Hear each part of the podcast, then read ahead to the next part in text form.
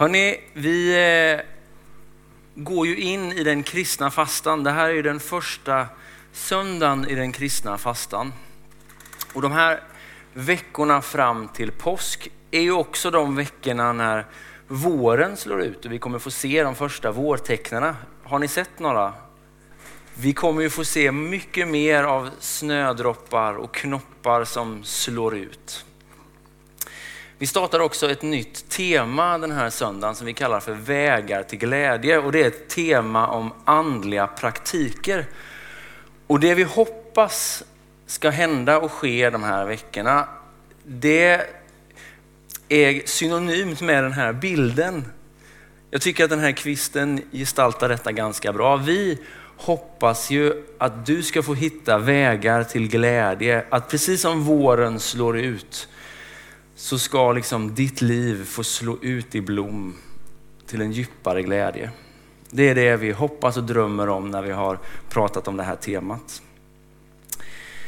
Det här temat är inte taget ur luften utan det är från en bok och nu inser jag att jag har glömt mina böcker här nere. Så jag tar med dem upp. Det är en bok som heter precis Vägar till glädje ifrån Richard Foster han skrivit. Det är en ganska gammal bok. Den har nog säkert 50 år på nacken, men den är riktigt bra. Och du kan dessutom köpa den här ute i foajén för 199 kronor. Jag tror inte du kan hitta den billigare någon annanstans. Den här boken är otroligt bra. Eh, och den har också en väldigt bra uppdelning. För en del kanske sitter här och funderar, vad är andliga praktiker? Jag ska presentera detta genom att läsa innehållsförteckningen i den här boken. Richard Foster gör en uppdelning mellan det inre livet, det yttre livet och det gemensamma livet. Och till det inre livet så räknar han meditation, bön, fasta, studier. Till det yttre livet räknar han enkelheten, avskildheten, ödmjukheten, tjänandet. Och till det gemensamma livet räknar han bekännelsen, tillbedjan, ledning, glädje. Det här är inte en komplett lista på alla andliga praktiker, men det är en ganska bra lista. Och jag gillar att han gör den här uppdelningen mellan det inre, det yttre och det gemensamma. För det är lätt att tro att andliga praktiker är någonting man gör bara helt själv. Något väldigt liksom inåtvänt. Men det kan ju vara någon, lika väl vara eh, en aktivism eller ett sätt att leva tillsammans med andra människor. Så jag tycker att det är en väldigt bra indelning på andliga praktiker och vi kommer följa den här boken. Tittar ni i vår kalender på hemsidan så kommer ni se Eh, vilket kapitel vi predikar över varje vecka. Idag hade jag tänkt att försökt, försöka svara på frågan varför vi ska ägna oss åt andliga praktiker. Det finns en del eh, moderna motsättningar till detta. Den vanligaste eh, brukar vara att det är elitism, att det bara är till för riktigt duktiga kristna. Den andra motsättningen brukar vara att det är prestation eller att man bara gör det i ett slags försök att förtjäna Guds kärlek. Den tredje motsättningen är ju att det skulle vara asketism, det vill säga det är livsförnekande. Och jag tänker andliga praktiker har ingenting med detta att göra. Andliga praktiker är ett sätt för oss att rikta våra liv emot Gud.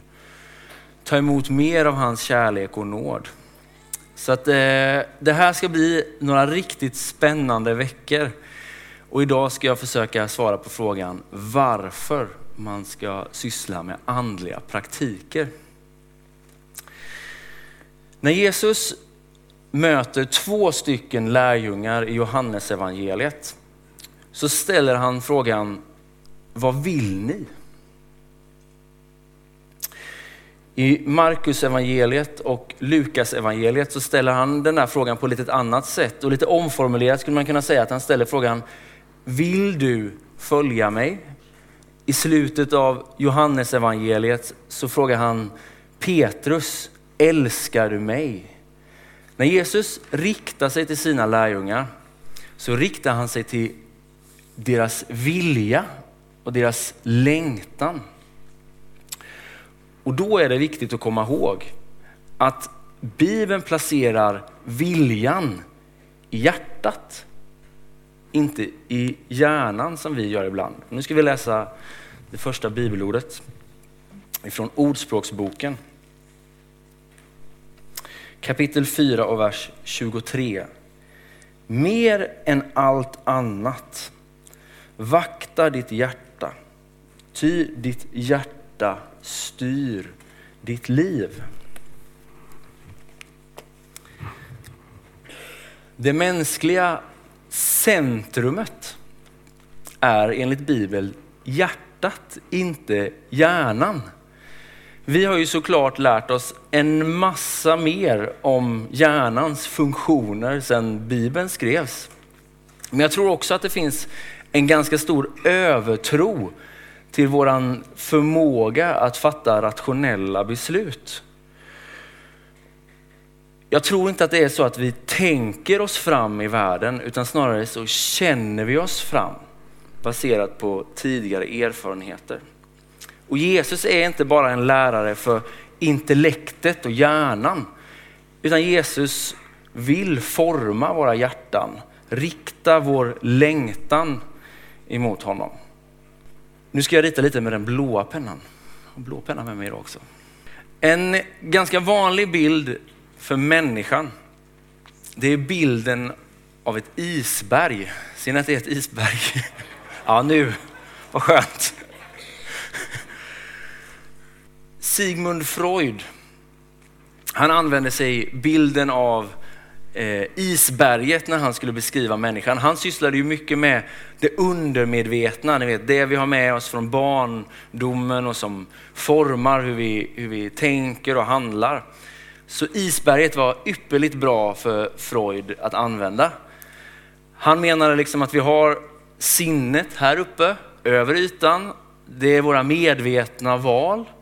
Och sen finns det en massa då under ytan som pågår som vi kanske inte tänker på utan som snarare går lite på liksom autopilot. På senare tid så har den här bilden kritiserats och inte för att den liksom gör uppdelningen mellan medvetet och omedvetet utan den har kritiserats för att man tänker att Freud faktiskt misslyckades med proportionerna här emellan. Det finns en amerikansk social, social, socialpsykolog, det var ett svårt ord, som heter Timothy Wilson.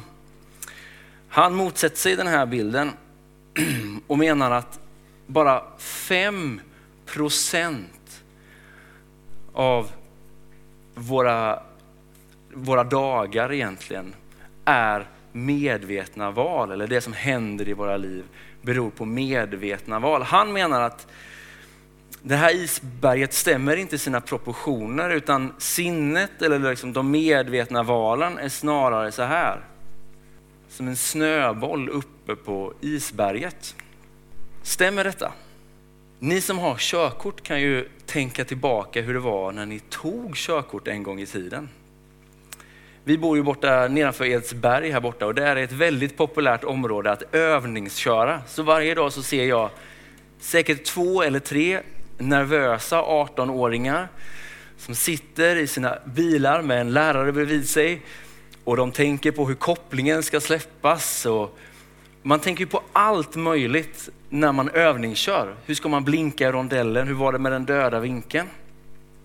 Och så tänker du en vanlig dag när du är på väg hem från jobbet. Du kanske har haft ett möte som har varit eh, eh irriterande och den här eh, kollegan som sa det där, allting bara snurrar runt i ditt huvud. Du sätter i liksom, eh, kontakten, eller vad säger, nyckeln i bilen och så kör du iväg. Och så spelas det där scenariot upp gång på gång i huvudet och sen helt plötsligt utan att ha tänkt på det överhuvudtaget så är du hemma på parkeringen. Är det någon som har varit med om det? Jag har ju sett Andreas Kristiansson här någon gång. Han kommer ut från ett möte och är jätteirriterad. Det händer aldrig mig. Och sen så liksom är han i samtal och springer ner och sätter i nyckeln i bilen och sen vips vad det är. Så är han hemma i Märsta. Eller hur? I bästa fall. Jag har på senare tiden eh, dragit på mig en ovana att småäta lite på kvällarna. Det betyder inte att eh, vi har lås på kylen hemma än. Men Sara har ändå liksom informerat mig om att detta är ett litet problem. Det är ju lätt när man är trött efter en läggning och går ner och liksom söka som en spårhund efter något gott att äta. Men så nu när fastan började så tänkte jag att ja men eh, det är väl en bra grej. Jag har några andra liksom, åtaganden också men jag tänkte ja, men jag ska nog strunta i att småäta nu under fastan.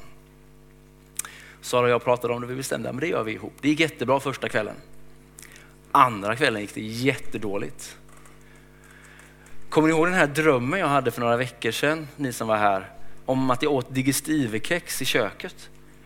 Nu har ju det hänt. På riktigt. Helt plötsligt så bara står man där med ett halvt digestivekex och undrar, men jag skulle ju inte äta. Man blir ju nästan rädd för sig själv. Jag har liksom tagit ut mjölk från kylen, hällt upp det i, hällt upp cornflakes, ätit upp, ställt ut tallriken i disken och sen kommit på, nej, jag skulle ju inte småäta. Timothy Wilsons tes är att vi är framförallt vanemänniskor. Så mycket i ditt och mitt liv går på autopilot. Det sker utan att vi ens tänker. Och om det här nu stämmer så innebär, innebär detta att vi kan säga ja med sinnet till Gud och Guds rike. Men hela isberget hungrar, längtar efter någonting annat. Det hoppfulla i detta är ju att jag vet av erfarenhet att man kan förändra den mänskliga hungern. Det går, jag tror att det kommer gå under den här fasteperioden för mig och för många andra också. Och det hoppfulla är ju att det också går att rikta våra liv så att vi blir människor som hungrar och törstar efter Guds rike. Och det bästa är att vi kommer inte behöva tänka på det hela tiden utan det kommer gå på automatik. Men vi behöver handlingarna för att komma dit. Vi ska ta ett till bibelord ifrån Matteus, evangeliets femte kapitel. Saliga de som hungrar och törstar efter rättfärdighet. De ska bli mättade. Den viktigaste frågan för dig och mig är kanske inte alltid vad tror du, utan vad älskar du? Vad längtar du efter? Vad drömmer du om? Jesus är inte bara en lärare för intellektet. Han vill forma våra liv så att vi riktar dem emot honom. Vi lär oss att älska rätt saker. Därför är andliga praktiker så viktigt. Ni ska få ett till bibelord ifrån Jakobs brevet. Bli ordets görare, inte bara dess hörare, annars tar ni miste. Den som hör ordet men inte gör vad det säger, han liknar en man som i en spegel betraktar sitt eget ansikte. Han ser sig själv men går därifrån och har strax glömt hur han såg ut. Men den som har blickat in i den fullkomliga lagen, frihetens lag, och håller sig till den och inte glömmer vad han har hört, utan verkligen gör något. Han blir, lyssna nu, salig genom det han gör. Ibland så har man en del kristna som säger så här att kristen tro, det är inte religion, det är en relation. Har ni hört det någon gång? Ja, en del har hört det. Jag ska erkänna att jag har också predikat detta själv, men det var ett tag sedan. Men det man menar när man säger det där är ju Ofta ges det i någon slags terapeutisk anda att här har vi religion, det handlar om lag, det är jobbigt och tungt. Och sen så har vi liksom relationen här som är enkel. Gud älskar dig nästan som en nerkärad pojkvän. Så du kan bara slappna av. Den som tänker så har ju aldrig varit gift. Alltså religion hade ju varit så mycket enklare än en relation. Alltså i en relation så har du ju en annan person med andra preferenser, med ett helt annat sätt att tänka än dig, som du måste vara uppmärksam på, som du måste anpassa dig en del till. Annars kommer det ju aldrig funka, eller hur? Jag kan i alla fall inte komma hem efter jobbet och så är det diskberg i diskhon och slänga mig på soffan och tänka, vilken nådefull fru jag har. Det funkar ju inte så, eller hur? Man måste ju lära känna den andra personen, se vad som är viktigt för den personen och sen liksom röra sig i den riktningen. Annars kommer det ju aldrig att funka. Ibland tänker jag på, på eller jag vill säga att vi behöver öva oss i detta. Vi behöver praktiker som gör att vi liksom kan göra den här vandringen mot en annan person, mot ett du. Ibland så, så tänker jag på hur det var eh, att vara gift innan man hade barn. Vi har ju två härliga barn, Harald och Henry, två och ett halvt och fyra och ett halvt år. Men innan vi hade barn, då var man ju otroligt uppmärksamma på varandra. Vi gick på dejt en gång i veckan. Och nu tänker man så här, hur hade vi ens råd med det? Men det gjorde vi. Och så förändras livet och man får eh, en massa åtagande och man har två barn som tar mycket av ens tid. Och man har en massa eh, anledningar till att man faktiskt inte klarar att gå på dejt en gång i veckan. Men man behöver fortfarande sitta ner på kvällen och titta varandra i ögonen och prata öppet och ärligt i 15 minuter. Men det räcker. Alltså andliga praktiker behöver inte vara spektakulära. Men de behöver vara regelbundna för att de ska kunna forma oss. De kan vara otroligt enkla, men när de är regelbundna och repetitiva, då formar de våra hjärtan till att hungra mer efter Guds rike. Nu ber vi. Herre, tack att eh, du finns här mitt ibland oss. Det står i ditt ord att du har, där två eller tre samlare, där är du mitt ibland oss Herre. Och tack att du vill möta oss Herre. Hjälp oss att också möta dig i våra liv Herre.